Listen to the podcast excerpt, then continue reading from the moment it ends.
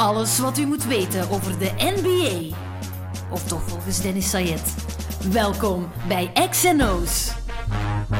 Game! What you heard is what you hearing. What you hearing? It's what you hearing. Listen. It's what you hearing. Listen. It's what you hearing. Listen.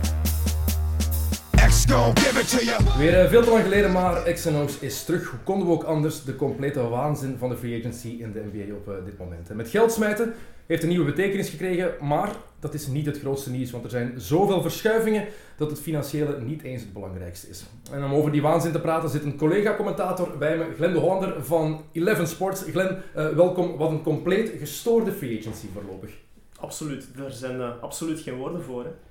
De ene moment op het andere gewoon, elk moment gewoon mond open, Ja. verbazing. Ik, ik weet nog altijd niet wat zeggen. Het is, Ik krijg soms kippenvel als ik denk aan de contracten die zijn uitgedeeld. En het e- heel even kort over het financiële hebben, want dat is eigenlijk...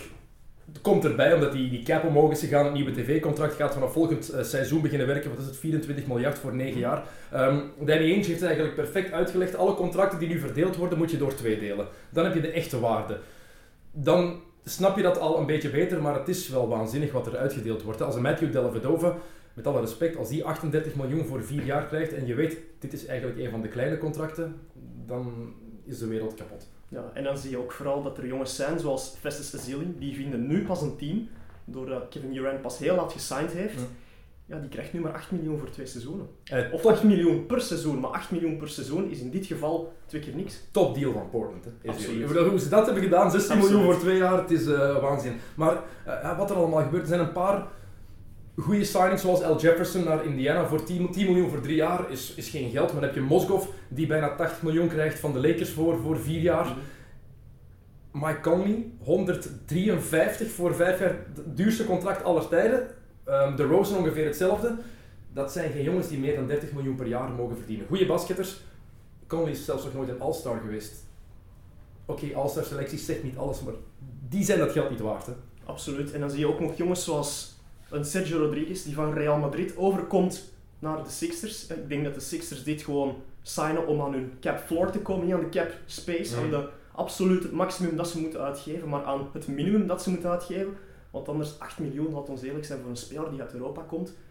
Hoe hou je het in je hoofd? Het is voor één seizoen, hè? Ik vind het wel een goede signing van, eh, van, de, van de Sixers, want ik ben wel fan van Rodriguez. Moet ik even duidelijk maken, ze moeten aan een minimum komen, want anders wordt de rest, het verschil tussen ehm, je loon, wat je hebt voor je, je Mhm. spelerslonen, en dat eh, minimum dat eh, uitgedeeld moet worden, wordt het gewoon tussen de spelers verdeeld. Dus ja, Mhm. dat geld ben je sowieso kwijt als club, kan je maar beter Absoluut. iemand aantrekken. Hè? Maar het is ook iets wat dat veel mensen niet weten, denk ik. Dat er ook een cap floor is. Verklaart ook waarom de Lakers in sommige gevallen veel te veel betaald hebben, denk ik. Want uiteindelijk, de Lakers ze zijn met niks bezig. Ze hebben geen enkele grote signing gedaan. Terwijl er waren wel wat free agents beschikbaar. Dan zie je Mozgov, dan zie je Deng.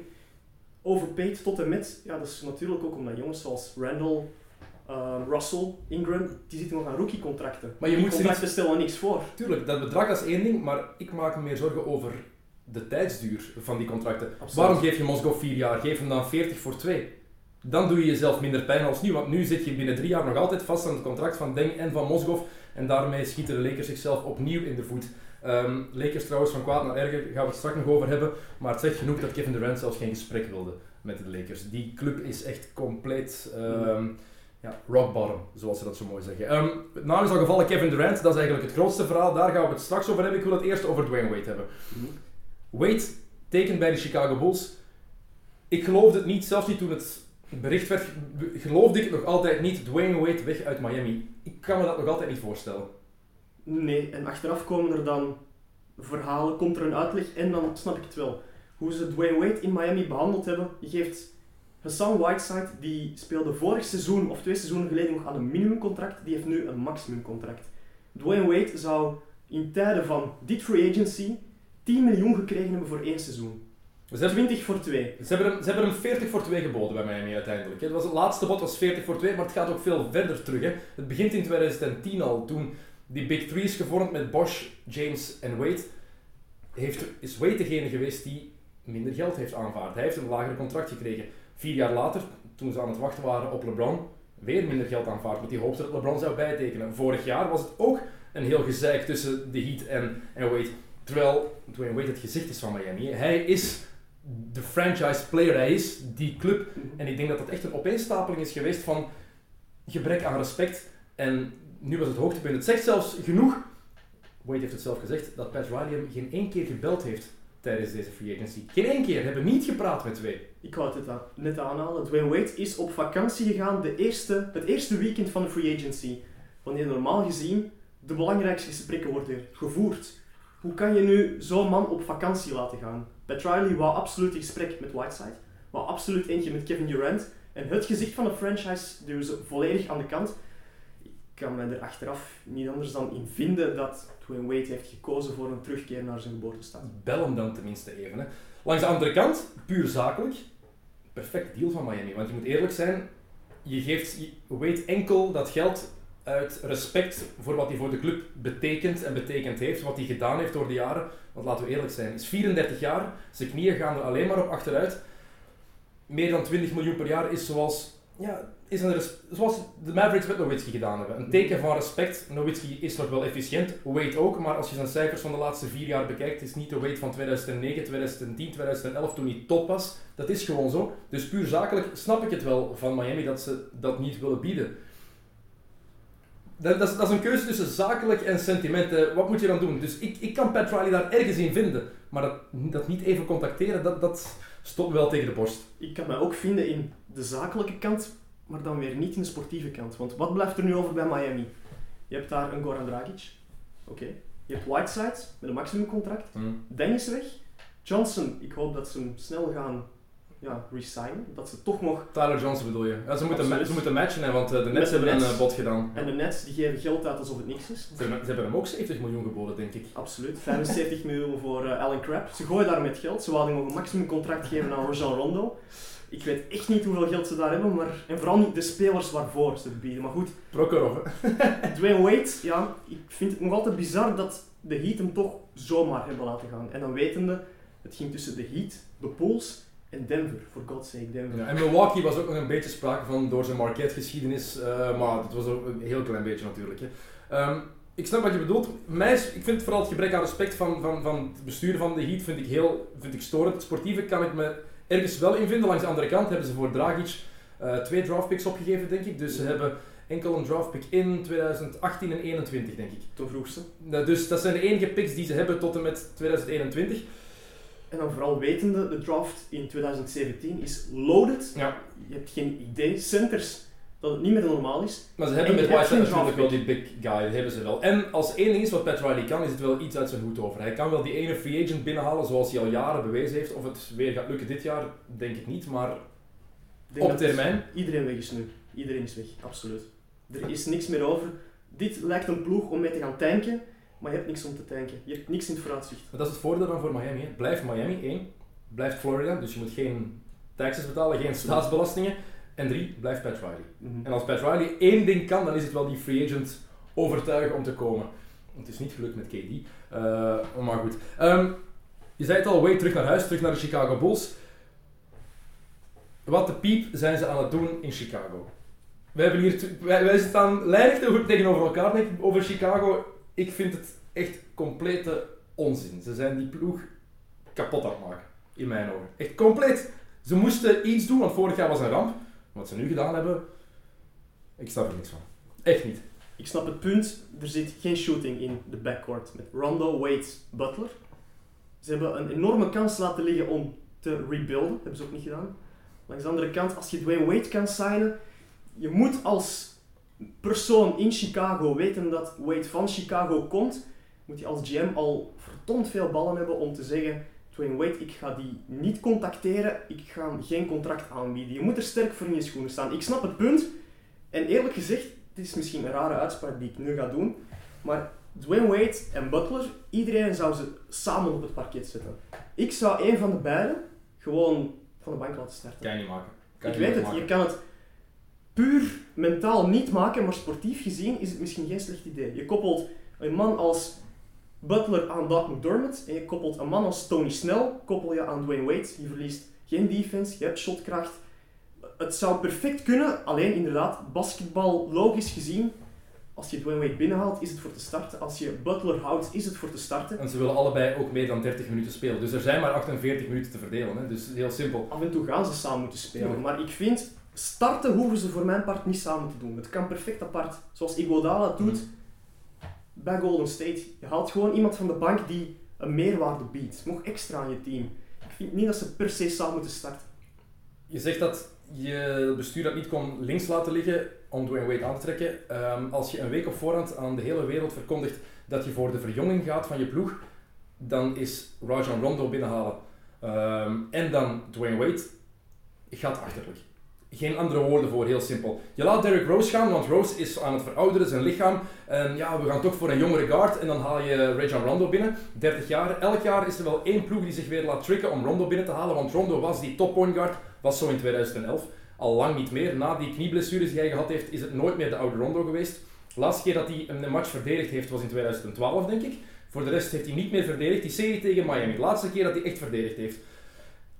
Een driepunten pak. Ik denk dat wij allebei een beter percentage shotten dan Rajon Rondo. En dat is met alle respect gezegd, want die gast kan gewoon niet shotten. Kijk hoe ze daar tegen verdedigen. Ze geven hem 10 meter.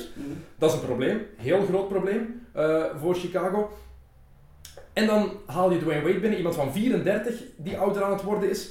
Dat backcourt, Butler is een verbeterde shooter, maar ook maar 31%. Dus volgend jaar gaat het backcourt van Chicago 0 driepunters kunnen scoren. Misschien een halve eh, per match. Ik zie dat niet goed komen. En vooral, wat er ook nog eens bij komt. 1. Wade en Rondo haten elkaar. Echt grondige hekel aan elkaar. Dat is algemeen geweten in de NBA. Ik denk dat eh, Wade Rondo zijn elleboog één keer bijna eens gebroken heeft in die serie. Eh was het in 2012 ook in de Ik zag playoffs? er daar straks nog een eh, fragment van op YouTube. Ik zag de foto nog dat Wade en Rondo in dezelfde series neus aan neus stonden. Inderdaad, die komen niet overeen. De coach bij de Bulls gaat enorm veel Ja. succes nodig hebben. En laat ons eerlijk zijn, dat was dit seizoen al niet Voilà. onbetwist. Exactly. Twee. Je krijgt een ploeg uit de jaren 50, hè, door dat gebrek aan shooting. Dit is echt een ploeg uit 1954, precies. Dat werkt gewoon niet. En dan zeg je in het begin van, van het Fred Hoiberg-tijdperk, ja, we gaan een nieuwe aanval gebruiken. Niet echt gebeurd, en dit jaar zeker. Maar we gaan echt voor die pace and space. Als er één is wat je niet kan doen met Rondo en Wade in je ploeg, is het pace and space. Laat me even verduidelijken. Wade, fantastische speler. Hè? Een van de 25 beste aller tijden. Ik vind het een van de beste vijf shooting guards die er ooit geweest zijn. Fantastisch om te zien spelen, maar je moet ook rekening houden met de toekomst. En als je voor een bepaald doel gaat, als je als ploeg zijn zegt, we gaan voor verjonging, we gaan dat doen, moet je niet zo'n dingen doen. En ik vraag me echt af, hoe gaat Chicago dat oplossen? Wat wil Rondo? De bal hebben. Het enige wat hij doet is blijven dribbelen tot hij een assist kan geven. Wat wil Wade? De bal hebben. Want hij gaat naar de ring. Butler staat bekend als scorer, maar zijn grootste kwaliteit na scoren is de bal hebben. Opbrengen en verdelen. Wat gaat Rondo doen als hij de bal niet heeft? Het zijn allemaal spelers voor in de isolations. Absoluut. Je hebt geen spacing. En toch, dat is dan puur uit het oogpunt van de journalist misschien, dat ik dat nu denk. Vanuit de liefhebber van NBA. Ik zou wel eens willen zien in een tijdperk van zoveel spacing, van zoveel shooting, hoe een ploeg met travers en slashers het zou kunnen doen. Je hebt niemand om de bal naar, naar buiten te steken, dat is waar. Eentje, McDermott. Want Absoluut. je kan Mirotic zeggen, maar Mirotic gooide zijn driepunters de afgelopen twee jaar maar aan 28% binnen of zo. Dus dat is ook geen NBA-shooter. Absoluut. Maar ik vind het gewoon zo interessant dat ik het daarom een goede deal vind. Ik wil zien hoe Chicago dit gaat oplossen. En daarom vind ik het net zo'n leuke deal. Sportief gezien, financieel gezien, geef ik je gelijk. Maar Het is ik boeiend. vind het, ik vind het gewoon zo bizar dat ik het interessant vind. Het is een nieuwe soap, hè. Ik ben... de- Er is een nieuwe wedstrijd, de Kings of the Bulls. Ik weet niet nu wie, wie het grootste rampenhuis gaat zijn, maar het komt, het komt echt overeen. Hè. Die twee, Chicago kan echt wel eens een nieuwe soap worden. Als je kijkt hoe Butler vorig jaar al problemen had met Derrick Rose, gaat dit jaar opnieuw zo zijn. Mm. Ehm, dat zijn persoonlijkheden. Rondo heeft een sterk karakter. Wade is altijd een leider geweest. En Butler die dacht nu, Rose is weg. Dit is, dit is mijn ploeg geworden. Dan halen ze Rondo binnen. En vooral Dwayne Wade die terug naar zijn Chicago komt. Waar hij opgegroeid is. Zijn huis. Dat gaat allemaal meespelen, denk ik. En ik denk dat Chicago echt ongelooflijk veel drama gaat meemaken dit jaar. Absoluut. Wat het boeiend maakt. Maar drama gaan we wel in eh, meerdere steden zien, denk ik. Ja. Overal waar je een Big 2, een Big 3 of tegenwoordig een Big 4 hebt, gaan we drama zien. En dat is net zo boeiend aan dit free agency. Ja, ik vind, ik zal nog even Chicago afronden. ehm, hoe ze dat gaan oplossen. Ze hebben Robin Lopez ook binnengehaald in die trade eh, met Derrick Rose. Ehm, Noah zijn ze kwijt. Noah is naar, eh, naar New York. Uh, Pau Gasol is als free agent naar San Antonio gegaan. Ik denk echt dat het een ramp wordt voor de Bulls. Zeker met, als je kijkt hoe die aanval met Hoiberg al is gegaan. Hij wil dat tempo daarin gooien en ze gaan wat kunnen lopen, maar je weet ook Wade die laat de motor pas aanzwengelen in de playoffs als het, er, als het belangrijk wordt. Logisch met zijn blessuregeschiedenis, heel logisch. En Rondo, heel veel mensen denken nog altijd van het is wel, het is wel Rondo hè, maar het is Rondo niet meer hè. Je moet jezelf eens kijken, vorig jaar, kijk bij Sacramento, wat was het, 11,5 assists per match. Ja, als je alleen maar naar je assist kijkt, hij heeft niks anders gedaan vorig jaar. Niks anders buiten assist geven. Ik denk heel eerlijk dat de manager van de Bulls bezig is met enerzijds iets absurds. Anderzijds denk ik, een jongen als Rondo, heel stiekem denk ik dat ze hem gehaald hebben als trading asset. Want je zegt het zelf, iedereen is ooit zo dom om wat John Rondo binnen te halen. Ik denk, zo'n bedrag dat hij niet voor een maximumcontract heeft getekend, zal er uh, weer... Kijk wat precies is. Het is 28 miljoen voor twee jaar. Dus dat is op zich in deze tijden niet heel veel. Nee. Ik denk eerlijk gezegd dat dat een trading asset is. Maar wie? Ik ben er niet zeker van. Maar ik denk, er is niemand die iets goed gaat opgeven voor Rondo, denk ik. Nee, maar tegenwoordig bij de Bulls, zoals je zegt, ze willen voor jongen. Een jonge gast die zich nog niet echt heeft bewezen, maar waar je wel iets in kan zien, potentieel gezien dan, daar kan je wel iets voor terugvragen voor Jean Rondo. Kan je wel een jonge gast voor vragen met potentieel? Vragen wel, krijgen nooit. Denk ik. Ik, uh, Rondo Island al lang verlaten. Al lang. Ik vond bij de Celtics vroeger was hij fantastisch tot die knieblessure. En als je hem daarna terugzegt, is die mentaliteit ook. Als je hem, oké, het was bij Sacramento vorig jaar, maar bij Dallas het jaar daarvoor ook. Hoe hij zich onmogelijk heeft gemaakt. Ja, en dan vooral um, de wedstrijd de Kings tegen Dallas. Hij speelt niet mee, hij zit op de bank. Gaat hij daar, een speler van Dallas, ik weet niet meer wie het was, maar hij stond aan de zijlijn. Ik denk dat het Wesley Matthews was. Ja, is mogelijk. Gaat hij hem uh, pootje lappen. Dat spreekt allemaal in het nadeel van Roger Rondo. Maar dat is net wat ja, ik vind er moet altijd een crazy house zijn in de NBA. Je hebt al de Nets, je hebt al de Bulls en allee, de Kings en nu komen de Bulls er nog bij. Ja, en tegenwoordig, laat ons eerlijk zijn, we het er net over gehad, met die budgetten, met die spelers. Laat ze het maar oplossen. ik ben benieuwd hoe ze het gaan oplossen. En dat is net het, het coole aan die free agency. Ik blijf het zeggen. je gaat me toch niet zeggen dat je gelooft dat het sportief iets kan worden daar? Met deze groep. Met die drie samen. Heeft, niks te maken nog eens met de kwaliteiten van een Jimmy Butler die ik fantastisch vind, met Dwayne Wade die ik altijd top heb gevonden, uh, heeft daar niks mee te maken, maar je gelooft toch niet dat die drie samen gaan werken. Die drie karakters, dat komt er ook bij. Het zijn drie persoonlijkheden. Hè? Dat is net wat ik daarnet wil aanhalen. Ik denk niet dat ze het seizoen ten eerste samen gaan starten, ten eerste al. Ik denk het niet. Ik, denk, ik verwacht nog altijd een trade. Butler heeft al zo vaak op die tradinglist gestaan, op die tradingblok gelegen. Ik verwacht eerlijk gezegd nog dat Jimmy Butler, ook al zeggen de Bulls van we gaan hem houden, we gaan er rondbouwen, maar eerlijk, je hebt het daarnet aangehaald, ze gingen ook verjongen, hebben ze ook niet gedaan. Ik verwacht dat Jimmy Butler nog gaat vertrekken, eerlijk gezegd. En Taj Gibson ook.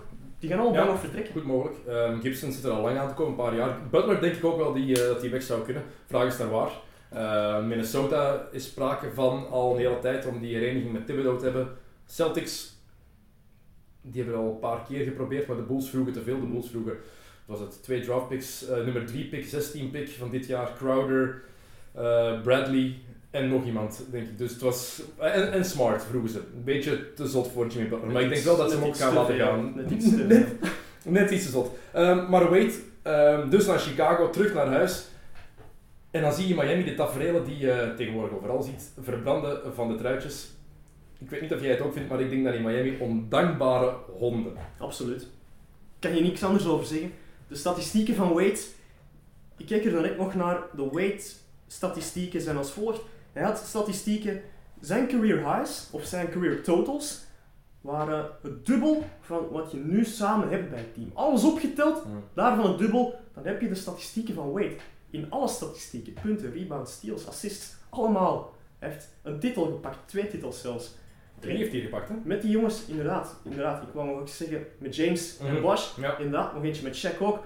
En dan heb je zoiets van, ja, nu gaan we zijn truitje verbranden. Ja, dat is heel ondankbaar. hij, hij heeft, kan niks anders zeggen. Hij heeft de Miami Heat groot gemaakt. Hè. Wait, uh, je kan allemaal zeggen, ja, Morning en Hardaway waren er daarvoor. Je had Glenn Rice, die periode heb je gehad. Um, Ronnie Saikali in het begin. Dankzij Dwayne Wade zijn de Miami Heat een ploeg geworden die wereldwijd op de kaart gezet is.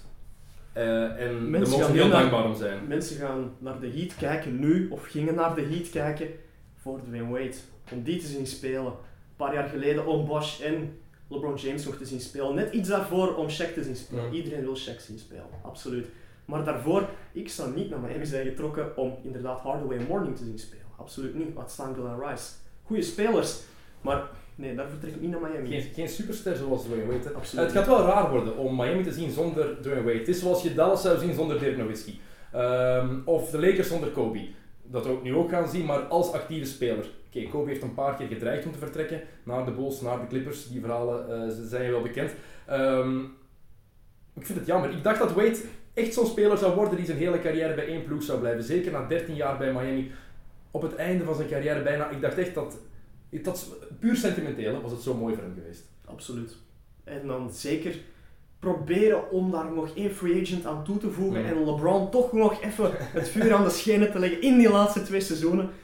Helaas. Ze hadden vorig jaar die Game 7 gewoon moeten winnen van... eh, vorig jaar, zeg ik, dit vorig seizoen, eh, Mm. afgelopen seizoen. Die Game 7 moeten winnen van Toronto. Absoluut. Hadden de conference finals gehad, Cleveland, Miami.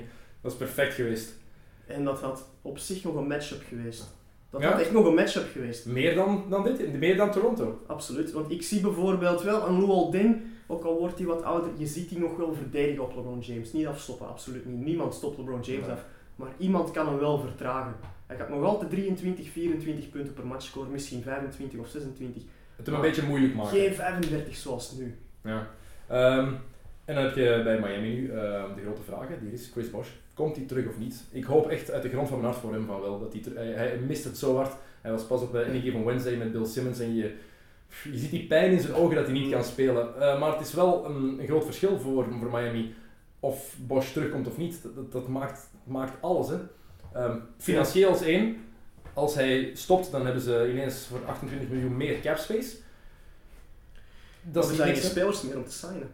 Wij. Dat is net het probleem. Er zijn geen Oké, maar spelers. volgend jaar is er ook een sterke free agency eh klas natuurlijk. De, als ze dan tot aan het minimum, als ze dan het minimum uitgeven, dan hebben ze wel voor volgend jaar die ruimte natuurlijk. Hè. Dan kan je bijvoorbeeld voor een Westbrook gaan als die geen eh, verlenging ergens tekent. Absoluut. Maar ik hoop vooral voor de Heat ook dat Bosch dit seizoen terugkomt. Want ze hebben momenteel niks. Gewoon niks. Dragic en Whiteside, dat zijn de enige twee. Absoluut. Dan wordt het constant pick and roll tussen die twee. Want voor de rest, Winslow nog niet klaar. Ze doet nu redelijk in de Summer League. Maar in de Summer League, laten we eerlijk zijn, een rookie vorig seizoen als Justice Winslow, die moet daar gewoon 35 punten per match Ja. maken. Offensief nog te veel werk aan. Defensief is hij wel klaar. Defensief is hij absoluut top. Is hij, lijkt me wel een veteraan van vijf jaar. Goed, wait, eh, gehad. Eh, ja, Durant dan hè. Was jij, net zoals ik, toch verrast dat hij naar Golden State trekt?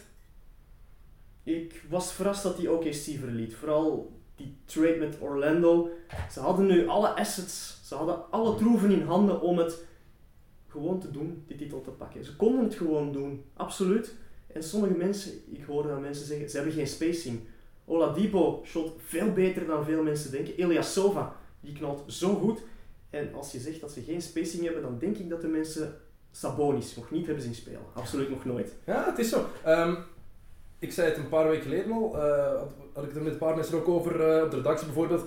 En dan zeiden we van ja, wat dit volgend jaar, en ik was ervan overtuigd, als Durant blijft bij Oklahoma City, is dat de titelfavoriet voor mij. Niet Cleveland, niet Golden State, dan was het OKC, want ze hebben Ibaka laten gaan. Pijnlijk, maar laat ons eerlijk zijn, Ibaka was op de terugweg. Ze gebruikten hem niet goed bij de Thunder, dat is een heel belangrijke rol, maar zelf ook. Hij deed niet wat hij twee jaar geleden wel deed. Denk aan die conference finals tegen San Antonio, twee jaar terug voor hij die eh, hamstringblessure opliep. Een heel ander soort speler. En dat komt ook door hoe hij gebruikt wordt, is combinatie. Maar dan krijg je daar Oladipo voor, Domantas Sabonis zoals je zegt, en Ilyasova. Ehm zoals Bill Simmons het ook zei, ehm, they robbed Orlando. Hè. Wat, het is gewoon leeg geplukt. Absoluut. Ibaka opgeven was voor OKC in dit geval gewoon peanuts. Laten we eerlijk zijn, Ibaka, hoeveel blockshots heeft hij opgezet tijdens de playoffs? Ik kan me wel geteld in de hele playoffs, dan heb ik het echt van de eerste ronde tot de conference finals Mm. en misschien met het hele seizoen bij twee spectaculaire dunks herinneren van Serge Ibaka. Er waren er normaal twee per match en drie punters knallen. Hij gaf het zelf aan. Ik voel me niet goed meer in OKC. Ik ben niet meer de speler. Ik heb nu die ervaring om in de hoek te gaan staan en drie driepunters per, per match te Hij, hij wilde ook echt weg inderdaad, dat zei hij achteraf ook nog. Ehm, dus mij leek dat OKC echt goede zaken aan doen was, maar dan, eh, dan komen er verhalen naar buiten ook natuurlijk. Hè. Durant en Westbrook, dit zou toch niet, vooral op het veld, naast het veld zou dat echt wel klikken, maar op het veld zou het toch niet zo, ehm, ja, goed gaan als iedereen denkt, oké, we hebben er altijd over gepraat van wie is die ploeg, Ehm, is Durant wel tevreden met Westbrook? Blijkbaar had hij daar wel wat problemen mee. Heeft ongetwijfeld meegespeeld in zijn beslissing. Ja, 2011, dat las ik er straks nog, heeft Durant een gesprek aangeknopt met Sam Presti en gevraagd, kan je Russell Westbrook niet treden? Dat zijn verhalen die nu bovenkomen. Het is natuurlijk wel heel pijnlijk. Hè. Maar het jaar daarna halen ze wel de finals natuurlijk. Absoluut. Maar puur op talent. En zolang het goed loopt, ga je ook die geruchten niet horen. Dan kunnen Durant en Westbrook samenspelen, dan zijn het de beste maatjes. Gaat net hetzelfde zijn nu bij Golden State. Ja, het, enige dat dan verandert natuurlijk is dat bij OKC altijd hetzelfde probleem is gebleven. Er was een probleem onder eh, Scott Brooks dat er veel isolations waren, weinig balmovement. Iedereen dacht onder Billy Donovan zal het veranderen. Is af en toe gebeurd, maar veel te weinig. Durant moest nog altijd vooral moeilijke shots pakken. En dat is iets wat in Golden State nu niet gaat gebeuren. Bij de Warriors gaat hij veel meer gemakkelijke shots krijgen dan hij ooit bij de Thunder heeft gehad. Denk ik. Wat mij verontrustte was, die bal is in bijvoorbeeld de conference finals drie matchen rondgegaan. Er waren drie matchen die ze wonnen. Die vier die ze verloren hebben, is gewoon puur hun eigen schuld. Allemaal isolation plays. Allemaal. Terwijl je hebt in die andere drie matchen getoond dat het kan. Je hebt zelfs Andre Robertson betrokken in de offense. Je hebt Robertson kunnen betrekken in een offense. Dat is op zich al een kunststukje van Billy Donovan. Ja, dat is een mirakel, dat is een half mirakel. Maar je hebt gelijk. En dan Game 6 natuurlijk was er Clay Thompson, niet vergeten, die Golden State, ja, die het seizoen van de Warriors redt in eh, de eerste Samen helft. Want Ja. veel mensen focussen op die 11 driepunters van Thompson. Maar in de, e- in, de van eerste, in de eerste helft was er offensief niks anders. Hè. Het was Hmm. alleen Clay Thompson. Hè. Dus je kan die steals van Iguodala hebben. Als Thompson aan de overkant niks binnenknalt, sta je nog altijd 20 punten achter. Absoluut. Ehm, maar nu dus, ja, dus gaat weg. Ehm, in OKC zijn Oklahoma City naar Golden State. Ehm ja, we het eerst even hebben over dat vertrek zelf. Allebei wel van, eh, van geschrokken. En dan komt die kritiek. Die kritiek die te verwachten was door iedereen.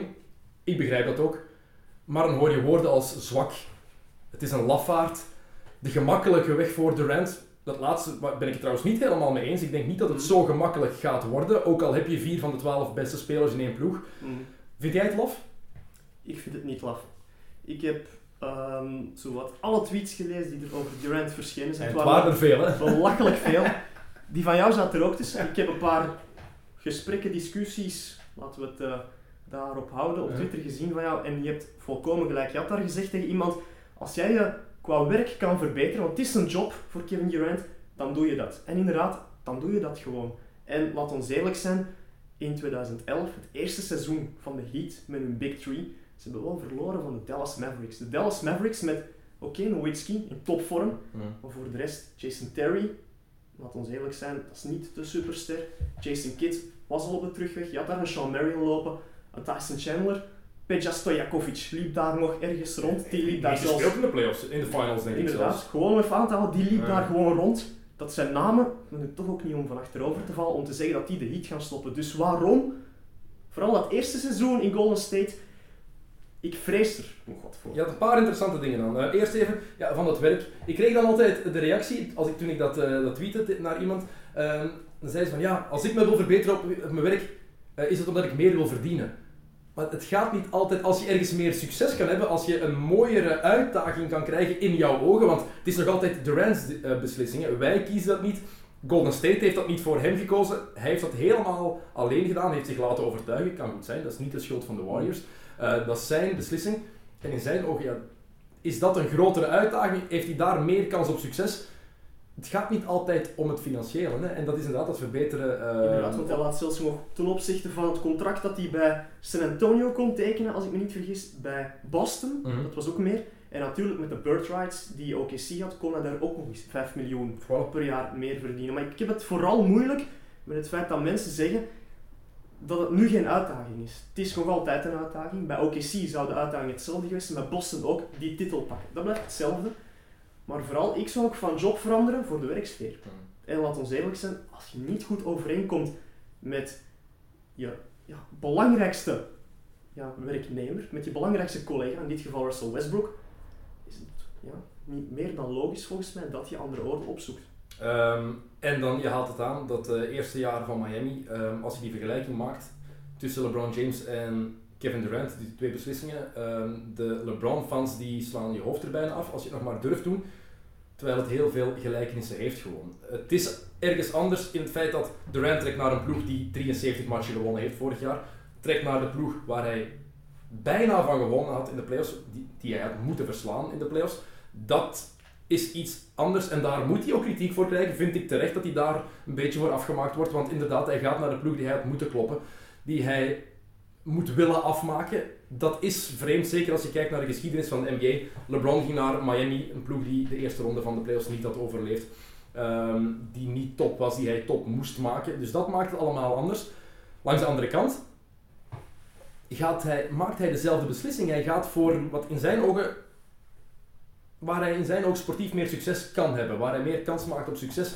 En heeft het beter aangepakt dan LeBron in 2010 met die decision.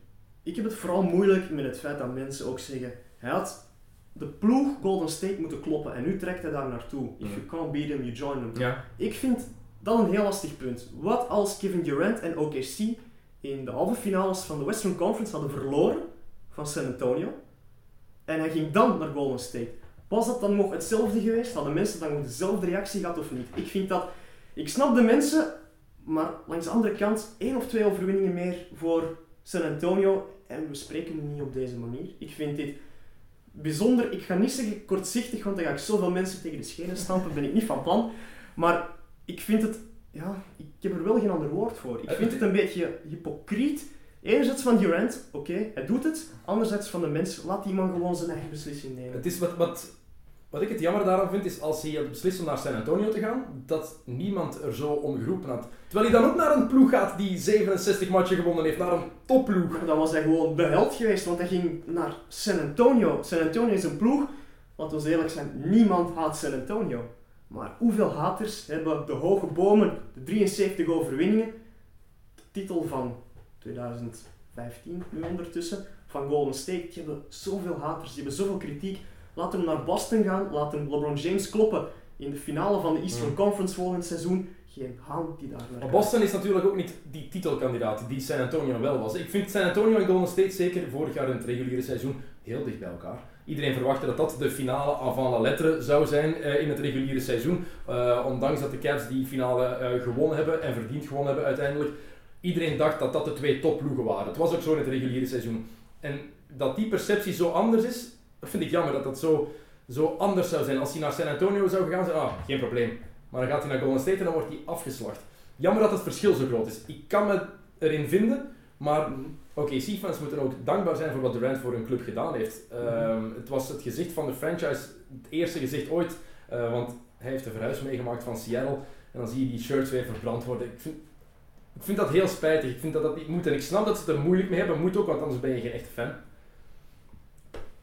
Maar ja, Sommige fans hebben al wel iets gevonden op het eh, verbranden van die shirts natuurlijk. Hè. Ze hebben de Durant, zijn logo, ehm, de 35 was verbrand, hebben ze afgeplakt met tape. Hebben ze gewoon een 5 van gemaakt. En op de naam van Durant hebben ze nu Oladipo geplakt. Dus dat is al wel opgelost. In dat opzicht valt het nog wel mee.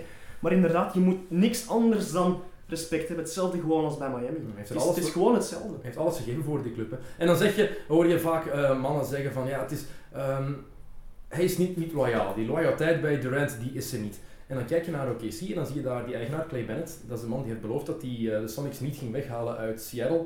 Toch gedaan heeft. Ehm, ja, niet echt loyaal natuurlijk. En in 2011 heeft Durant nog bijgetekend voor vijf jaar, omdat hij ook in Oklahoma City wilde zijn. Als je kijkt wat daar gebeurd is, Harden is getraind. Ik heb er al zoveel over gezaagd dat iedereen kotsbeu is, ik weet het, maar moest helemaal niet. Ze konden hem nog een jaar bijhouden en daarna was hij een restricted free agent, dus ze konden hem gewoon altijd blijven, blijven bijhouden. Ehm, ja, ze moesten één jaar de tax betalen, één. Eén jaar de luxury tax.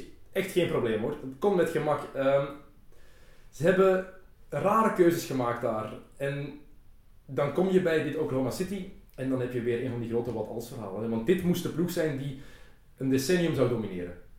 Absoluut. En om nog even terug te komen op die luxury tax, Sam Presti, die weigert dat gewoon flagrant. Oké, maar dat, is, dat komt van hoger af ook, hè, denk ik. Mhm. De eigenaar moet dat betalen. Zeker en vast. Maar dan heb je bijvoorbeeld dat probleem met Harden. Jij zegt nu van, ze hebben daar een paar rare beslissingen gemaakt, terwijl iedereen in de NBA wel zegt van, of rond de NBA, de fans, Sam Presti is de beste general manager die er is. Laat ons eerlijk zijn, als er momenteel één general manager is die supergoed bezig is, nee, twee, dan is het enerzijds Bob Myers van Golden State En anderzijds die van Portland. Het is misschien ook nog iets om het Ja. straks over te hebben. Maar die van Portland, dat is gewoon een held. En R.C. Buford van San Antonio niet vergeten. Absoluut. Buford dat is, dat is, dat is- die blijft eh, de beste. Maar dan kom je bij die loyaliteit en je moet eerlijk zijn, sport is gewoon niet loyaal. Er zijn er een paar. Eh, als we naar het voetbal gaan, Daniele De Rossi en Francesco Totti. Twee van de meest loyale spelers ooit. En die hebben maar één titel gewonnen in hun carrière. Ehm, en dat is zo mooi dat je loyaal kan zijn. Ik vind dat prachtig, hè. Als je puur als sportliefhebber Mm. maar als je daar objectief naar kijkt, dan zie je genoeg voorbeelden van spelers die gewoon niet zo zijn. Die flirten met andere teams. Kobe Bryant heeft zoveel geflirt met andere ploegen. Ehm, dat hoort er gewoon ergens bij, vrees ik. Absoluut. Sport is opportunisme. En je mag het draaien een keer hoe je wilt. Het is zo en het zal altijd zo blijven. Punt. We gaan ook niemand horen zeggen van... Ja, er zijn problemen bij Golden State. Als ze er 74 winnen en ze pakken een titel dit seizoen. Als ze de titel niet pakken, dan zijn daarna volgend seizoen grote problemen tussen Steph Curry, Klay Thompson, Draymond Green en Kevin Durant. Ongetwijfeld. Maar het is wel heel simpel. Ze moeten de titel pakken. Hè. Ehm, als ze dat niet doen, dan is het mislukking. Ook al is het het eerste jaar, het is net zoals bij Miami, maar dan nog extra druk. Ze moeten gewoon los kampioen spelen. Maakt niet uit hoeveel matches ze in het reguliere seizoen winnen. Het is championship or bust, nog meer dan ooit. Mhm, Zeker en vast. En zeker als je ziet wie ze nog allemaal aan het signen zijn. Hè. Die veteran eh, minimum contracts, die vliegen er daardoor. Eh, Ray Allen, David West, Sasa Pachulia, Ian Clark heeft er nu ook nog eentje Ja. gekregen. Dat is geen veteran minimum, maar toch, die hebben ze ook nog kunnen bijhouden. En dan eh, ja, zie je daar toch een paar grappige berichten passeren van Leandro Barbosa, die vertrekt. Ja, als er één ding is wat ik niet zou doen momenteel, is het vertrekken bij Golden State. Maar goed, het is de keuze van Barbosa. Ja, natuurlijk ook het financiële dat meespeelt. En dat hoor je in, de NBA, in het NBA-milieu wel. Hè. De GM's zijn niet kwaad op het feit dat Durant naar Golden State trekt. Zijn wel kwaad dat ze dan mannen als Pachulia en David West voor niks kunnen aantrekken. En dan heb je die opportunisten die er altijd zijn bij elke titelkandidaat. was bij Miami ook zo. Hoeveel mannen dat daar voor niks naartoe zijn gegaan om een titel te winnen. Ehm, het is bij San Antonio. David West heeft het vorig jaar bij de Spurs geprobeerd. Nu probeert hij het bij de Warriors. En vooral die Pachulia-signingen. Dat, daar zijn, dat, dat vinden heel veel mensen niet leuk dat ze die voor, wat is het, 2 miljoen? Mhm, 2-7 voor één seizoen. Wat een koopje. Ik heb het moeilijker met David West. Want vorig jaar was David West een held. Want hij tekende bij San Antonio voor een minimumcontract. Want hij wou een ring. Iedereen, ja David West, Mm. respect dat hij zoveel geld laat liggen. Nu doet hij net hetzelfde en nu is het een opportunist geworden. Nu is er kritiek, terwijl hij net hetzelfde doet. Ik, ik geef je gelijk. Eh, het probleem is nu dat veel mensen weer zullen denken dat we te positief over de Warriors zijn, of dat de Warriors supporters zijn, maar dat is gewoon ja, hoe de, objectief hoe wij het zien. Mij kan het niet schelen eh, wie er volgend jaar kampioen wordt, zolang het maar spannend is. Zoals ik wil dit jaar zeven matchen hebben gekregen. Eh, de finals waren kwalitatief niet altijd hoogstaand, maar qua spanning, ja, fantastisch dat we die zeven matchen gekregen hebben. Dat LeBron de Cavs zijn- de titel heeft bezorgd, eh, Cleveland eindelijk die overwinning waar ze zo lang op wachten. Maar je moet daar gewoon eerlijk in zijn. Je kan niet zeggen, zoals jij net zegt van David West, dat het bij de Spurs wel oké is en dan bij de Warriors niet. Dat, dat, dat klopt gewoon niet, hè? En ook het grootste teken van dat opportunisme is gewoon de NBA zelf. Die willen zoveel winst maken, die hebben nu de luxe om de salary cap omhoog te trekken. Je kan twee dingen creëren met de salary cap omhoog te trekken. Ofwel heb je wat je nu gekregen hebt, contracten die de pan uitswingen, voor Mm. Conley, voor die Rosen en dan ook nog voor exoten als een Mosgov en ik noem maar op. Die, dat kan je hebben, enerzijds. Anderzijds heb je ook nog jongens die niet voor het maximum kiezen en de supersterren die gaan samentroepen. Maar dan moet je geen kritiek geven op de supersterren die gaan samentroepen. Want de NBA laat het gewoon toe, punt. Natuurlijk. En je hebt dan mannen zoals een Charles Barkley die daar natuurlijk weer meteen eh, kritiek op heeft. Ehm, is al geen fan van de Warriors, van hoe ze spelen. En dan vindt hij het onbegrijpelijk dat Kevin Durant naar zo'n ploeg gaat. En sommige mensen hebben recht van spreken die dat nooit gedaan hebben. Ik vind, dat we, ik vind ook al heb je het geluk dat je met toppers samenspeelt, zoals een, een, een Isaiah Thomas die zegt ik zou het nooit gedaan hebben. Thomas is ook gewoon gestopt met spelen, is niet op een ring gaan jagen, heeft het met Detroit gewonnen. Charles Barkley heeft nooit een titel gewonnen. Oké, heeft het wel geprobeerd. Is gaan ringchasen door naar Houston te gaan en een trio te vormen met Hakeem Olajuwon en, en Clyde Drexler. Zijn eigen schuld dat hij toen 25 kilo is bijgekomen en dat hij geen poot meer vooruit kon zetten. En dat, dat is een beetje hypocriet van zo'n van zo mannen die daar een kritiek op hebben, want ze hebben het zelf gedaan. En hoeveel, voor, hoeveel spelers ken je nog die zo achter een ring gejaagd hebben? Hoeveel toppers? Ja, je hebt Carmelo, jongens als Gary Payton, allemaal naar de Lakers gegaan. En wat mij ook frappeert bij Charles Barkley, ik wil Charles Barkley zeker niet afbreken, hij is een geweldige speler, maar is enerzijds die ring gaan chasen, wat nu volgens hem not done is. En anderzijds, hij heeft er nooit een gewonnen. En nu zegt hij plots, je carrière is niet mislukt als je geen ring hebt gewonnen. Terwijl je dan wel gaat ringchasen. Toch ook een dubbel gevoel. Tuurlijk, en Charles Barkley, de lievelingsspeler van mijn vader, dus is een jeugdheld voor mij, Barkley. Ik hou van, van hem eh, als speler, maar Maar goed, Charles Barkley is Charles Barkley. Daar kan je niks tegen inbrengen. nee, het is, zo, het, is zo, het is gewoon grappig en frappant inderdaad, zoals je zegt, dat hij daar dan zo'n kritiek op heeft, terwijl hij het zelf heeft Het geprobeerd. is een beetje zoals dat we Jan Mulder hebben bij onze collega's bij Sporza. Laat ons eerlijk zijn, die kramt ook van alles uit. Weinig dat met voetbal te maken heeft. Charles Barkley is net hetzelfde in de NBA. En nee, En het werkt. het werkt. Wou net zeggen. Eh, bij Golden State is Harrison Barnes vertrokken naar Dallas. Andrew Bogut is naar Dallas vertrokken. Eh, nog wat jongens eh, die daar weg zijn. McAdoo hebben ze laten gaan. Vind geen goede beslissing van Golden State, maar goed. Ik denk dat Barnes trouwens al heel het jaar wist dat ze voor Durant gingen. Daar was heel het seizoen al sprake van. Vooral rond februari werd, die werd het luider en luider dat ze daarvoor gingen. Waren ze toen 40 en 4 denk ik. Iedereen vond dat vreemd. Ik vond dat vreemd. Maar ik denk, denk wel dat dat een invloed heeft gehad op het spel van Barnes in de playoffs.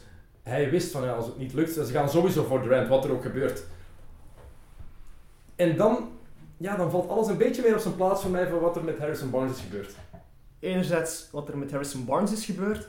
Nog even op iets anders terugkomen. Ik denk zelfs dat Golden State al lang wist, dat Kevin Durant al lang wist dat hij naar Golden State ging. Denk was al lang in kan en kruiken. Ja, geloof je gaat niet zomaar zeggen dat op drie dagen tijd ze beslissen om Harrison Barnes, want daar is zelfs nooit een Mhm. offersheet voor geweest vanwege Golden State. Ze hebben zelfs nooit een offer gedaan, als ik me niet vergis. Nee, maar ze konden wel dat van Dallas matchen natuurlijk. Hè. Als Durant had gezegd, doe het niet, konden ze meteen dat van, eh, dat van Barnes matchen. En dan bleef hij bij de Warriors. ik heb er nooit iets over gelezen dat ze zouden geïnteresseerd zijn om hem te resignen. Ze waren hem liever kwijt dan rechts, zeker na zijn seizoen. Je hebt dan nog jongens zoals een Barbosa, puur ja, cap dat ze gecleared hebben door die te laten gaan. Bogut hetzelfde, en dat was allemaal zo snel in orde. Het was ook zo snel in orde Mhm. met Pachulia, met West. Volgens mij was het allemaal al van in april geregeld. Ik kan me niet van de indruk ontdoen. Af en toe contact met Ethan eh, Sherwood Strauss van eh, ESPN, dat is de, de beachrider van Golden State. En hij was er wel van overtuigd hoor, dat Barnes gewoon zou gebleven zijn als ze Durant niet hadden kunnen aantrekken. Dat dat sowieso was gebeurd, dat ze voor Barnes waren gegaan. Want ik geloof nooit dat Durant weg zou gegaan zijn bij OKC als ze de finale spelen zelfs maar. Als ze Golden State verslaan, blijft hij. Ben ik heilig van overtuigd. Waarom zou je weggaan van een ploeg waarmee je net de finale hebt gehad en misschien Cleveland hebt verslaan? Misschien Cleveland hebt verslagen. Ik denk dat dat, ja, ik geloof niet dat hij dan weggaat. Je kan het, je kan het ook niet maken. Waarom zou je weggaan naar een ploeg die je net hebt afgemaakt? Zwat, dat is hoe, ik het zie. Ik geloof niet dat hij dan weg zou gegaan zijn. Hmm. Ja, het zou kunnen. Ik ben er niet volledig van overtuigd. Ja, ik heb toch nog altijd zo'n gevoel dat Kevin Durant dat op een mooie manier ingepakt. Ik denk dat hij gewoon heel hard zijn tijd heeft genomen om het mooi in te pakken. Ik denk dat al lang beslist was dat hij toch naar Golden State zou gaan. Ik kan volledig fout zitten, Mm. maar ik heb toch dat gevoel. De manier waarop Bob Myers alles in twee, drie dagen heeft kunnen regelen. Het mag een straffe GM zijn, maar dan moet je toch al heel snel kunnen handelen hoor. Sommige, sommige dingen gaan stellen. Ehm, wel eh, interessant vond ik eh, om te zien, het laatste nieuws had daar een artikel over geschreven. Ehm, eindelijk zagen we nog eens iets over eh, de NBA in de krant. En dan werd daar gezegd van ja, de Washington Wizards waren de laatste grote kanshebber. Niet echt waar natuurlijk. De Wizards heeft hij zelfs geen gesprek mee gevoerd. Hij, de Wizards wilden wel een gesprek, maar nee, Durant heeft zelfs niet overwogen om terug naar huis te gaan. De Lakers hetzelfde heeft hij zelfs niet overwogen. Ehm, dus jammer dat dat daar fout in staat. Wat ik wel interessant vind nog over deze signing, eh, laatste over eh, Golden State. Hoe briljant is dit van Nike? Absoluut. Dit was een Under Armour bastion. hè? Mhm, absoluut. Volledig met Steph Curry. Die was hij daar volledig aan het innestelen. En dan eh, ja, is het gewoon even Kevin Durant die naar Golden State gaat. En dat valt gewoon allemaal terug in dagen. Ja, nu is dit Under Armour had het twee jaar helemaal overgepakt en dan komt Durant daarbij en gaat het helemaal anders zijn. Hele slimme eh, business move vond ik van... eh, Nu nog hopen op een speler die een contract heeft bij Adidas. Dan is het volledig compleet. waar zit eh, Thompson nu weer? Bij een van de Chinees merk, hè? Ik denk het wel. Het is, die schoenen zijn, zijn afschuwelijk. Ik weet niet of je die al eens gezien hebt van die klompen. Ehm, je moet zijn voorstelling maar eens bekijken. Je kan het op YouTube vinden van zijn schoen vorig jaar. Ik, vind, ik vond ze zelf ook vreselijk. Zat er bijna van te kotsen hoe hij naar keek. Eh, was mooi. Dus Durant weg bij OKC. Wat nu? Bij de Thunder. Wanneer trade je Westbrook? Je houdt hem niet. Onmiddellijk. Onmiddellijk? Gewoon onmiddellijk. Niet in het midden van het seizoen, want dan heb je toch misschien het risico nog dat je zo goed speelt. Je gaat sowieso de playoffs halen met dit team, sowieso. Ja. En dan heb je zo het geval van, dan kan je hem niet meer trainen. Want dan zit je met het probleem van, nu moet je hem wel houden als je nog iets wil betekenen in de playoffs. Ze hebben gezegd als hij zijn verlenging niet tekent dat hij weg moet. Mhm. Hij heeft ook al gezegd dat hij zijn verlenging niet gaat tekenen. Ik vind het dan nuttiger, je hoort vooral het gerucht, de Lakers. Omdat ja, Westbrook komt vandaar. Hij wil terug naar LA, dat is al lang geen geheim meer. Ze hebben daar een D'Angelo Russell en een Brandon Ingram die ze eventueel kunnen geven. Russell, absoluut geen fan van, dat er zijn. Ik ook niet. Dan heb je daar nog twee jongens die je wel een heel seizoen kan inpassen naar het volgende seizoen. Denk je dat Sam Presti dat genoeg vindt? Ik niet. Ik denk het echt niet. Er was nog wel sprake van die twee jongens en nog een draftpick. Dan Ik heb gehoord, komt het toch al wel in de buurt. ik heb gehoord en Randall. Randall, Ingram en Russell. Dat Die vind ik vanuit het standpunt van de Lakers dan weer te veel voor Russell Westbrook. Het is een top 5 speler, maar laat ons eerlijk zijn, de ploeg van de Lakers, momenteel hebben ze niks. Als je dan nog je drie grootste talenten die je hebt ook nog gaat opgeven, dan heb je helemaal niks. Maar vanuit het oogpunt van OKC moet je denken, je bent Harden kwijt voor en- enkel Steven Adams, heb je daarvan overgehouden. Ehm, Ibaka heb je weggedaan, heb je iets goed voor teruggekregen. Durant heb je niks voor terug. Dan wil je voor Westbrook echt wel veel. Echt veel. En D'Angelo Russell heb ik heel veel twijfels bij ook. Heeft talent, maar is nog... Ik vind het geen point guard en ik vind het geen shooting guard. Het is, het is, ik heb het vooral moeilijk met de mentale met van hem. Ik denk dat hij heel, is heel onvolwassen. De situatie met Nick Young vorig jaar heeft dat bewezen. Ehm, hoe hij dat aangepakt heeft, ja, slim was dat niet. Is zo. Ehm, heeft zich onmogelijk gemaakt in de Lakers in zijn eerste jaar al. In LA, dat is, eh, dat is moeilijk.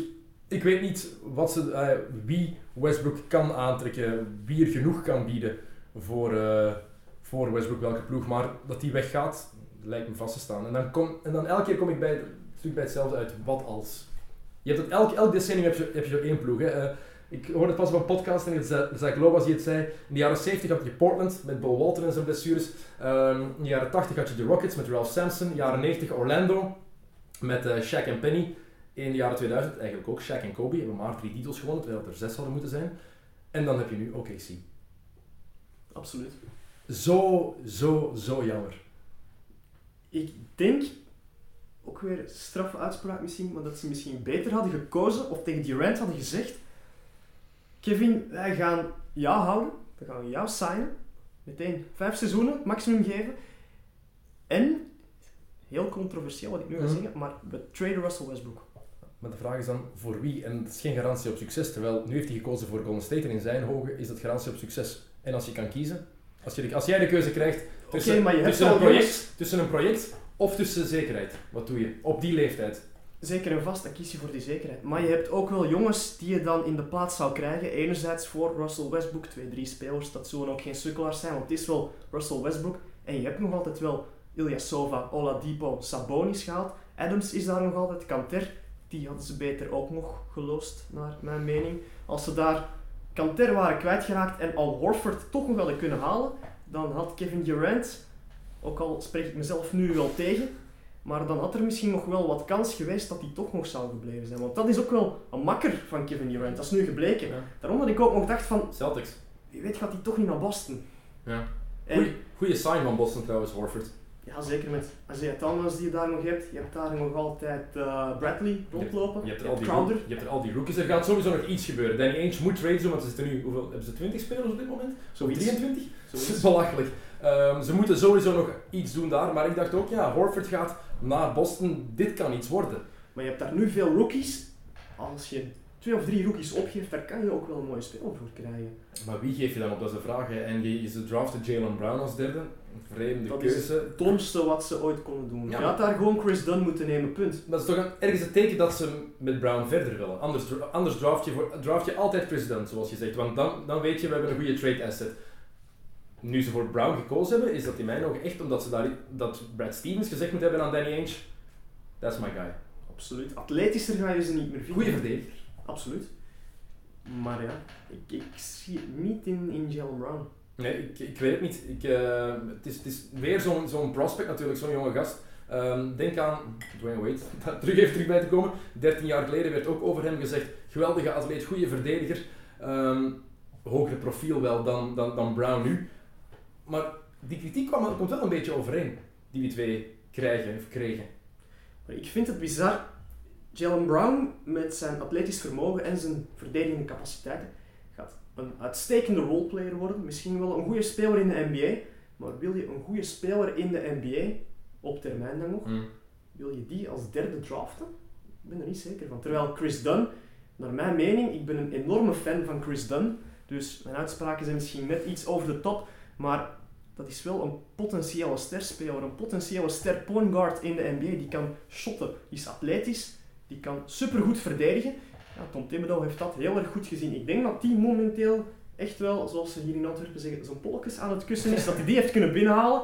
En zeker omdat hij, want daar is hij geen fan van, Tom Thibodeau, dat hij Rubio kan winnen. Ja, Rubio weg inderdaad. Eh, Minnesota wordt de top. Eén ding over de Celtics nog. Ehm, ik dacht goede move en dan voelde ik daar, het is er niet van gekomen, maar ik voelde daar een nieuwe Big Three komen. Hè. Horford, Durant, Butler.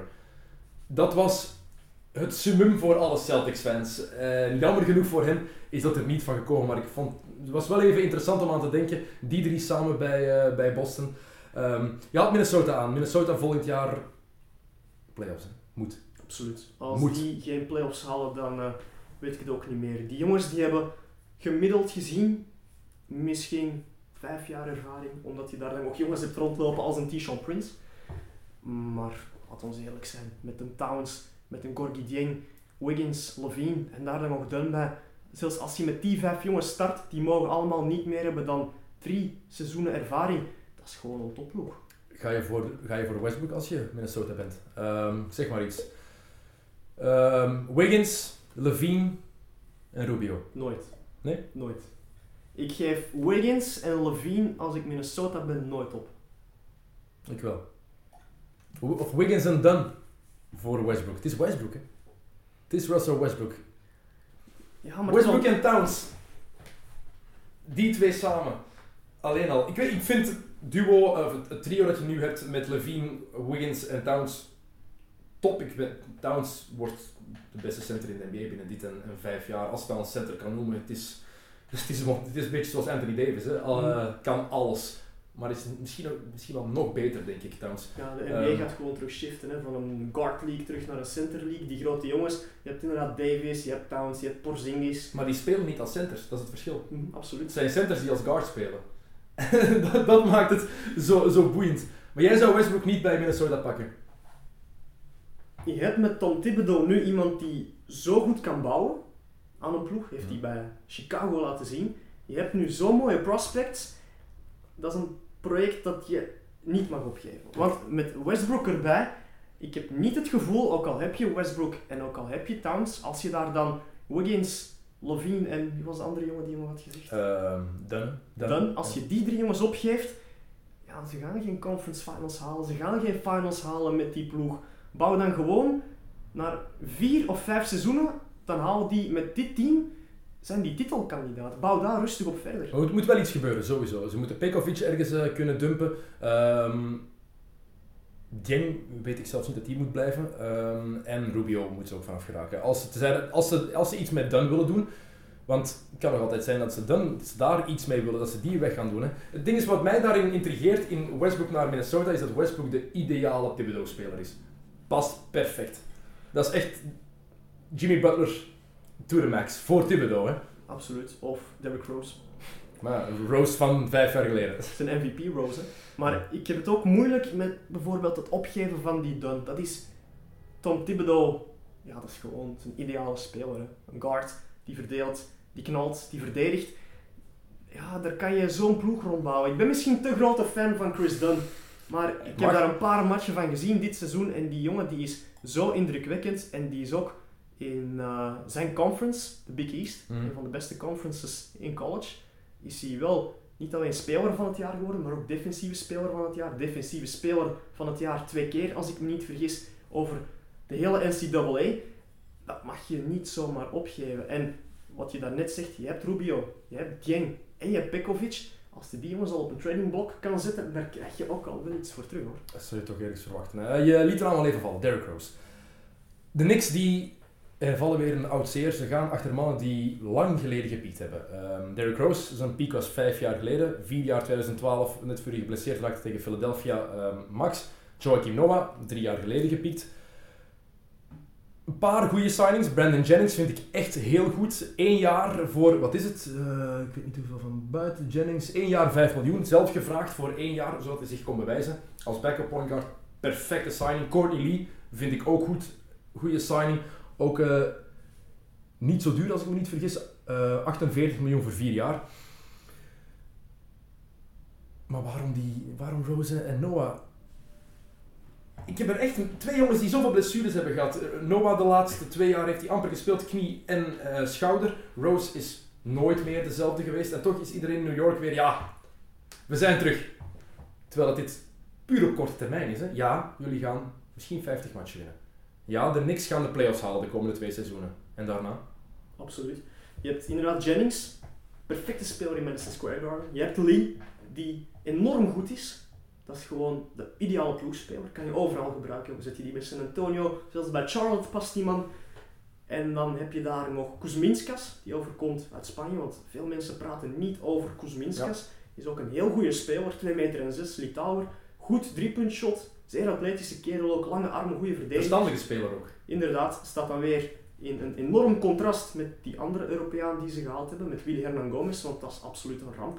Maar Zie spelen bij Real Madrid, maar dat is absoluut, een van de beste vrienden van Porzingis. absoluut. Daarom halen ze hem ook. Maar voor de rest, pick and roll, als je denkt dat Enes Kanter niet op pick and rolls kan verdedigen, dan heb je Willy Hernan Gomez nog niet gezien. Maar keep the zinger happy. Gewoon Porzingis blij, eh, gelukkig houden, dat is het belangrijkste in New York. En dan inderdaad heb je Rose en Noah. Noah overpaid.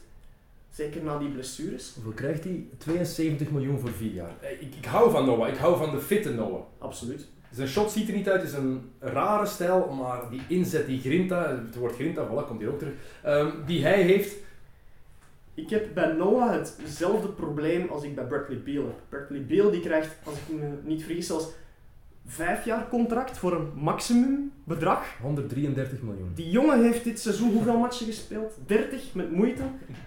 Die is niet fit. Die moet eerst bewijzen dat hij fit kan zijn voor je hem zo'n contract kan geven. Noah net hetzelfde nu. En dan heb je daar inderdaad Rose. Rose één of twee seizoenen nog contract. Ik denk eentje, maar ik ben niet zeker. In dat opzicht, als hij één jaar contract heeft, dan kan ik er nog iets van maken. Maar dan doe je Rose gewoon opnieuw weg. Dus in dat opzicht vind ik het nog niet zo slecht. Maar Noah, daar kan ik gewoon niet bij. Punt. Wat niks wegneemt van de kwaliteiten van een Joachim Noah, hè, eh, die hij altijd heeft gehad. De, het nut dat hij kan hebben voor een ploeg. Maar het is gewoon te lang, het is gewoon, het is gewoon nu niet meer. Het probleem is, heeft Noah die capaciteiten nog? Van voor zijn Voilà, blessure. dat, be- dat bedoel ik, dat is nu niet meer. Ehm, Rose, ja, nog één jaar één- en dan is hij free agent. Dit jaar 21 miljoen en daarna eh, wordt hij free agent. Dus dat snap ik op zich nog wel. Je verdient er een mooie cent aan, want je verdient heel veel geld aan de truitjes die Rose gaat verkopen.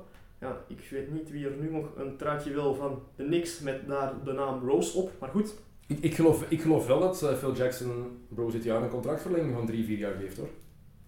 Ik, ik, ik zie alles, het is New York, er, er zijn al zoveel dingen gebeurd. Ehm, Phil Jackson heeft goede beslissingen gemaakt, vreemde beslissingen, maar met de keuzes die hij nu maakt met Noah en Rose is het in mijn ogen echt van ja, ehm, ik krijg hier mijn dikke pre, want best betaalde GM van de NBA, ehm, of beste President of Basketball Operations, best betaalde van eh, de NBA even voor zorgen dat de Knicks een paar jaar goed zijn en dan trek ik terug met Genie in LA of in eh, de bergen van Montana als mijn contract afgelopen is. goed zijn is natuurlijk ook iets relatief. Want is Rose nog een goede Rose? Is Hm. Noah nog een goede, een goede Noah? Hoe goed gaan die jongens zijn?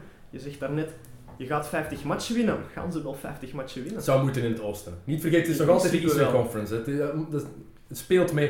En Maar- het is natuurlijk ook Madison Square Garden. Een grote naam is daar een grote naam. Dat werkt daar gewoon altijd. Maar- Mensen gaan voor Noah te zien spelen. Niet vergeten, het is nog altijd Ja? de zoon van een tennislegende. Daarvoor gaan sommige mensen gewoon al naar... Hey, Noah, opge- kijken. opgegroeid in New York. Absoluut. Maar dat is het oude zeer wat ik net zei van New York. Hè. Altijd toen ze dat mannen binnenhalen die vier jaar eerder gepiekt hebben. Wie hebben ze gedaan? Steve Francis, Tracy McGrady, ehm, Marbury. Stefan Marbury. En die was dan ehm daarvoor Bernard, Bernard King. Heeft één goed jaar gehad daar, voordat hij zijn, eh, zijn knie opblies. En we kunnen zo voorbeelden blijven aanhalen van de Knicks die mannen binnenhalen die over de top zijn. En dat is niet van de laatste vijf jaar, dat is al twintig jaar bijna aan de gang. Sinds het tijdperk na Patrick Ewing. Sinds Isaiah Thomas daar heeft overgenomen eigenlijk. Toen is dat eh, begonnen. Maar aan de andere kant denk ik ook, de fans van de Knicks, ze moeten nu die playoffs halen, ze moeten nu die 50 matchen winnen. Of daar komt geen kat meer kijken, bij wijze van spreken. Als ze het nu dit seizoen niet gaan doen, dan gaan ze misschien wel zoveel fans verliezen. Denk je dat echt, na al die jaren? Die fans blijven komen, man. Dat is toch altijd zo... Dit- is al, die serie is daar zo lang bezig al. Waarom zou dat ineens veranderen? Ik geloof, ik, en de fans blijven komen, hè. Ze morgen, maar ze blijven wel komen. Absoluut, maar er moet eindelijk toch gewonnen worden bij de Knicks. Ja. En Hoe lang, dat zeggen ze, is, hoe lang zeggen ze dat al? maar dat is puur waarom ze dat nu doen. Je kan dat niet blijven zeggen. Nee, ja, blijkbaar wel. Blijk, blijkbaar wel. Ik zou dat ook... Ik, ik geef je gelijk, hè. Ik zou dat ook zeggen, maar het, het, de, de realiteit bewijst gewoon het tegendeel. En dat, dat is het rare daaraan. Ehm, het jammer vind ik dat veel mensen nu denken dat er niks echt een titelkandidaat zijn. Het is niet zo. Eh, David Jacoby zei dat pas in Jalen Jacoby van ja, nu moeten ze ehm, bij het lijstje van kanshebbers horen voor de titel. Nee, sorry. Echt niet. Ze gaan het, ze gaan het Cleveland niet moeilijk maken Absoluut in het oosten. Ik zie nog altijd niemand die het Cleveland moeilijk gaat maken. Ja. Maar goed, ehm, van de ene grote market in New York naar de andere, de LA Lakers, wat de hel zijn die aan het doen? Echt waar, we hebben het al even over gehad. Mozgov, Deng en Ingram, dat zijn de grote namen die aangetrokken zijn. Ehm, Eén naam mag je daar niet vergeten. Veel mensen vergeten die naam, maar dat is de jongen die ze in de tweede ronde gedraft hebben. Dat is die Ivica Zubac. Dat is echt wel een goede center. Dat is echt... Ik heb die een paar keer zien spelen, gewoon via livestream. En tussen de pixels en de blokjes door kon je echt wel zien dat die man zo enorm veel talent heeft. Moet aan zijn lichaam werken, moet nog aan zijn atletisch vermogen werken om in die NBA mee te kunnen. Het is geen Porzingis die er van in het begin zal staan, maar dat is echt wel voor binnen twee seizoenen is dat echt wel een goede, een goede kerel. Ja. Maar inderdaad, Deng en zeker Moskov, vooral vier seizoenen voor Moskov. Wat is dat met die contracten van vier jaar? Echt, mens, denk na over de toekomst. Denk aan die salary caps die nog gaan veranderen. Ehm, Maar Ja. toen wisten ze dat natuurlijk nog niet. nee, maar je, ze, die wisten wel, gingen ze, veranderen. ze wisten wel dat die gingen veranderen. Ze wisten niet hoe hard. Maar je moet er altijd wel een beetje rekening mee houden. Hè? En Jim Buss die bewijst nog altijd dat hij ehm, de voet, dat hij niet in de schoenen van zijn vader kan staan. Zelfs geen klein beetje. Het is Maar langs de andere kant, schande. we moeten ook wel een keertje kijken, die NBA. De salary cap, het is een soft cap. Het staat momenteel op Mm. 94 miljoen. Maar in principe, je mag er 105 uitgeven. Hè, want je betaalt maar luxury taxes vanaf 105 miljoen. Geeft 11 miljoen speling voor tussen haakjes rekenfouten. Als je rekenfouten mag maken van 11 miljoen als GM, daar heb ik al mijn twijfels bij in zo'n league. Ze zouden echt naar het baseball moeten. Gewoon een hard cap, 94 miljoen, er niet over. Dan ga je dit soort contracten allemaal niet krijgen hoor. Maar het gaat er ook om aan wie dat je die contract geeft. En dat is wat er bij de Lakers gebeurt, dat fout is. Hè. Het erge voor Lakers-fans is dat ze zelfs geen gesprek meer krijgen met mannen als een Kevin Durant. Vorig jaar kregen ze nog een gesprek, gesprek met Aldridge. Nu zelfs... Ze mogen niet meer in de kamer. En dat is echt een probleem voor die ploeg. En dat was met Dr. Bus nooit gebeurd. Nooit. Altijd mee aan de tafel. Altijd zou hij wel een manier gevonden hebben om je te proberen overtuigen. Ik zeg niet dat het zou lukken. Dat hebben de Lakers altijd gedaan. Altijd slaagt ze er wel in om een goede free agent binnen te halen. En die magie van de Lakers is helemaal weg. En ik had eerlijk gezegd verwacht dat die magie bij de Lakers een beetje zou terugkomen met Luke Walton. Ja, ik, Jongens- ik dacht dat die inderdaad wel een invloed zou hebben. Zoveel jongens hebben gezegd van met Luke Walton wil ik wel aan de tafel gaan zitten. Ze hadden interesse in Nicola Batum, in Harrison Barnes, ook al had hij dan een slecht seizoen, in Festus Ezeli, in eh, nog een paar van die goede jongens die echt wel contracten hebben getekend bij teams waarvan je denkt, want laat ons eerlijk zijn, als je Luke Walton zijn en de Lakers zijnde iemand als Nicola Batum niet kan signen en dat hij gewoon bij zijn ploeg blijft waar hij nu zit, dan is er iets mis hoor. Ja, zegt, zegt genoeg over die ploeg. Ze hebben Brandon Ingram dan als tweede gedraft. Eh, heel veel talent, maar ook een project voor binnen 2-3 jaar is totaal nog niet klaar voor de NBA. Absoluut. Ehm, Maar dan hebben ze nog geluk, naar mijn mening, dat ze Ingram mochten draften en niet Ben Simmons. Want Ben Simmons, springen misschien een beetje van de hak op de tak, maar bij de Sixers, dat is enorm slecht gedraft. vind je? Ben Simmons, absoluut. Die jongen, zijn upside is niet zo groot als die van Ingram. Hij heeft nog altijd geen shot. Hij heeft het enorm moeilijk. In de Summer League momenteel had hij een percentage, een field goal percentage van geen 30%. Dat is enorm weinig. En ze hebben in principe al zo'n speler met Dario Saric. Saric blijft in Europa, net gelezen trouwens. Dus hij Is, blijft van, is vandaag of gisteren bekendgemaakt. Maar in principe, voor de draft werd bekendgemaakt dat hij eventueel wel zou overkomen. Dus je hebt al zo'n jongen. Saric is niet de verdeler die, die Simmons wel is. Hè. Ik vind dat is het ding wat mij bevalt aan Simmons. Simmons heeft zo'n hoog basketbal-IQ. Ingram, puur qua scoren, qua, is, is hij een groter talent. Maar Simmons is... Ik vind het een ongelooflijk goede verdeler. En dat is zijn waarde, is echt die point forward. En er gaan moves moeten gebeuren bij Philadelphia, dat sowieso. Ze gaan ook voor moeten laten gaan, wel moeten laten gaan. Of een van, een van de twee, of allebei, hangt er ook vanaf of Embiid eindelijk eens een match kan spelen. Laat ons hopen dat hij eindelijk eens één voet op een veld kan zetten, anders is het erger dan Greg Oden.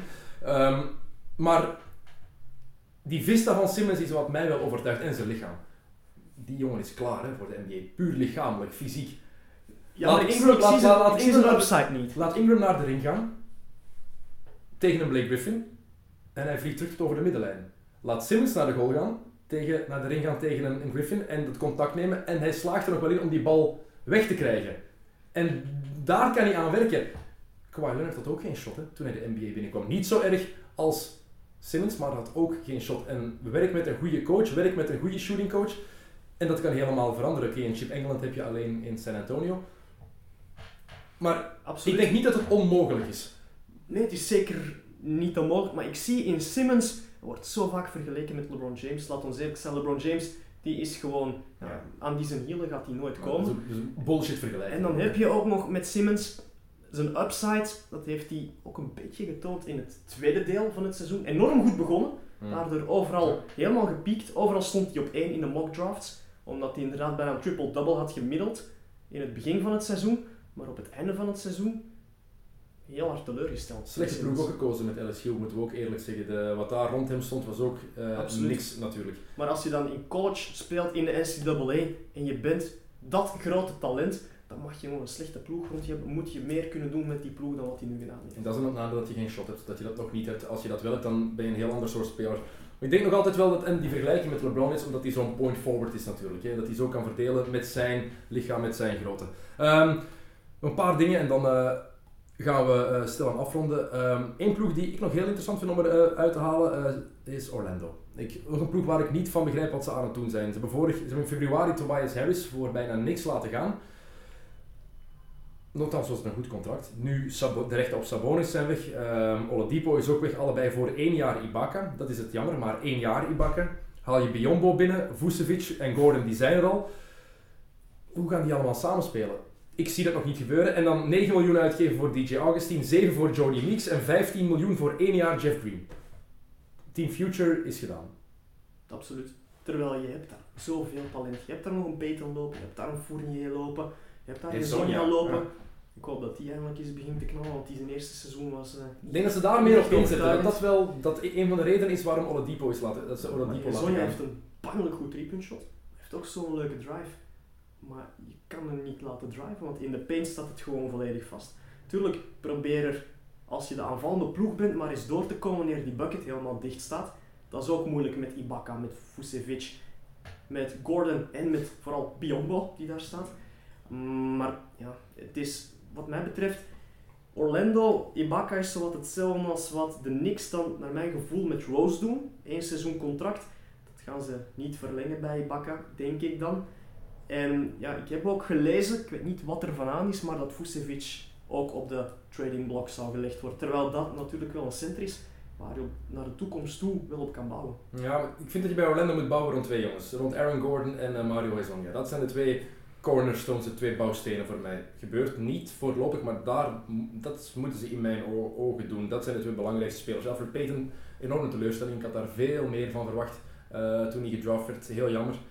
Eh, maar Orlando, ja, heel vreemd. Hoe die ploeg in één jaar zo is kunnen veranderen van een ploeg waar ik, die ik zo graag bezig zag als ik op League Pass aan het kijken was. Magic, als die speelde, altijd wel even kijken.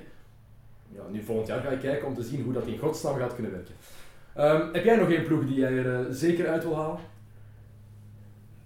Eén bepaalde ploeg die we zouden willen uithalen. Of één eh, free agent? Ehm, ook iets wat je zelf aanhaalde op Twitter. Wat gaan ze nou doen bij San Antonio? Je haalde het zelf al aan. San Antonio, vooral inside. Ze laten daar West vertrekken. Marjanovic vertrekt Boban ook nog. Jammer. Ik heb wel gehoord dat ze Ioannis Borussis zouden laten overkomen. Geweldige speler in Europa. Ik weet niet hoe dat gaat werken in de NBA. Dat is echt... Europeeser kan je een center niet inbeelden. Diao is ook weg. Inderdaad, Diaw is ook weg. Ik denk dat ze daar een beetje het pad gaan effenen voor Anderson. Maar Anderson is daar nog niet klaar voor. Maar ik ben echt benieuwd. En vooral, ja, Tim Duncan, je hoort nog altijd dat hij niet terugkomt, maar er is ook nog altijd niks officieel van. Nee. Ik zou het enigszins jammer vinden dat hij niet terugkomt, want man als Duncan verdient ja, gewoon een afscheid langs de grote poort, zoals een Kobe. Gaat hij nooit doen, hè? Gaat hij nooit willen, zo'n afscheid ook. Nee, dat gaat hij niet willen, maar hij verdient dat wel.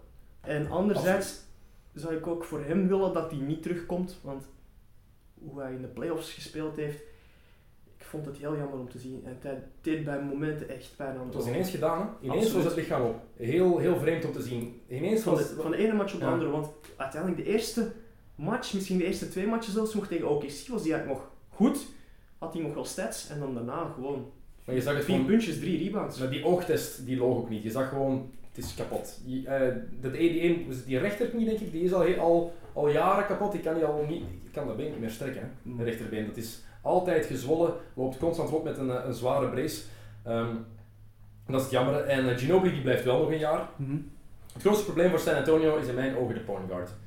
Tony Parker is wel drie jaar op de terugweg, vooral door die opeenvolging van matchen, elk jaar diep in de playoffs. En elke zomer voor Frankrijk nu weer het pre-Olympisch toernooi aan het spelen. Als ze dat halen, gaat hij de Olympische Spelen nog eens spelen, komt erbij.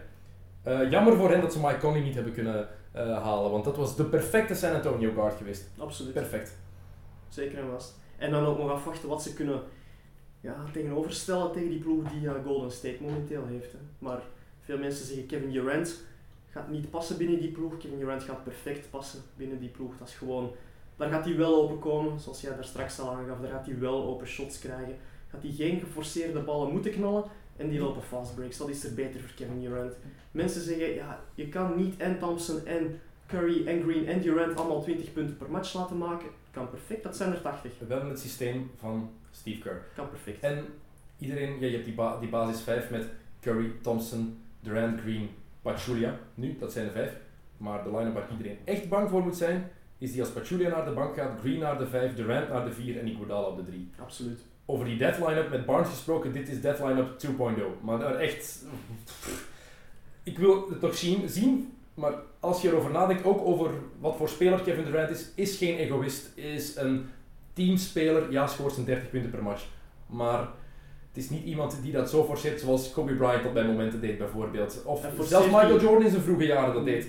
Ehm, Durant is een ander soort speler. Hij Dus. forceert die shots gewoon omdat hij ze moet forceren. Niet omdat hij ze wil forceren, omdat hij ze moet forceren. Eén laatste ding nog, voor we eh, afronden. Retin Obasso maakte deze nacht zijn debuut in de Summer League bij de Sacramento Kings. Och, gaan we, de Sacramento Kings.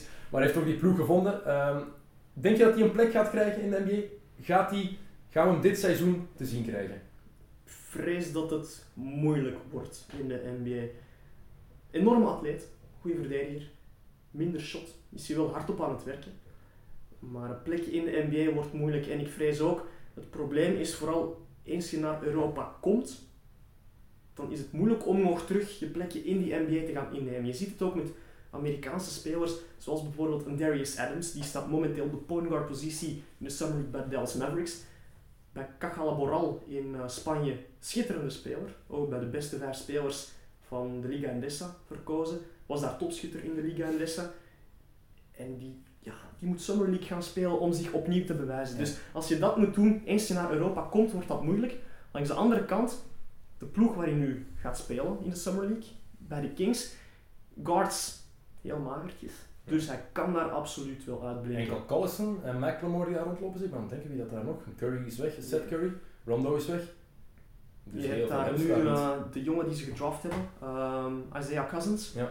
Maar dat zijn allemaal jongens, daar moet Retin absoluut geen schrik van hebben. Die kan hij gemakkelijk aan. En ook Summer League, het speelt ook wel in zijn kaart. Het is een beetje eh, one-on-one, veel ISO plays. En wat dat nu net het sterke punt zijn van Retin Obasso. Ik zou, het zou me niet verwonderen moest hij een paar keer in de highlights te zien zijn met een spectaculaire dunker. Ik denk wel dat Retin ook iemand is, als je kijkt naar zijn parcours, denk ik dat hij eerder voor de D-League gaat kiezen dan voor Europa. Omdat hij zo graag de NBA wil halen. Ik weet niet of het financieel allemaal kan, want in de D-League verdien je echt geen cent. Maar ik denk dat, dat lijkt mij meer zijn traject. Ik zeg het puur als, als buitenstaander, ehm, hoe ik het zie. Mooi wat hij gedaan heeft bij Alabama. Heel goed dat hij Avery Johnson als coach had daar. Ehm, ik hoop voor hem dat het lukt. Dat we een Belg in de NBA En laat krijgen. ons ook Een Antwerpenaar hopen dat Eddie Kasteels hem meeneemt naar het Europees kampioenschap. Of minstens voor de preselecties. Deze, hij, kon, hij was geselecteerd nu, heeft n- nee gezegd omdat hij voor de NBA wil gaan. Eh, dus doet niet mee aan de kwalificatiecampagne. Jammer, want zo mist hij wel een kans natuurlijk om bij die selectie te horen. Begrijpelijk hè? Langs de andere kant, als je dan kijkt, ga je je kunnen bewijzen tegen IJsland, Cyprus en Zwitserland. Ook niet echt natuurlijk. Laat hem dan maar meespelen volgend seizoen op het echte Europees kampioenschap. En Ja. laat ons hopen dat hij in de NBA geraakt. Het zal moeilijk worden, maar we hopen erop. Voilà, Dus eh, morgen, eh, dat is zaterdag, kan je die highlights bekijken eh, van eh, rating bij Sacramento. Laten we hopen dat er genoeg zijn. Glenn, bedankt eh, voor je bijdrage. Bedankt dat je er was. Dank u voor het luisteren. En binnenkort komt er eh, nog meer op de XNO's podcast. Dus houd het zeker in de gaten. En abonneer u via iTunes en Soundcloud.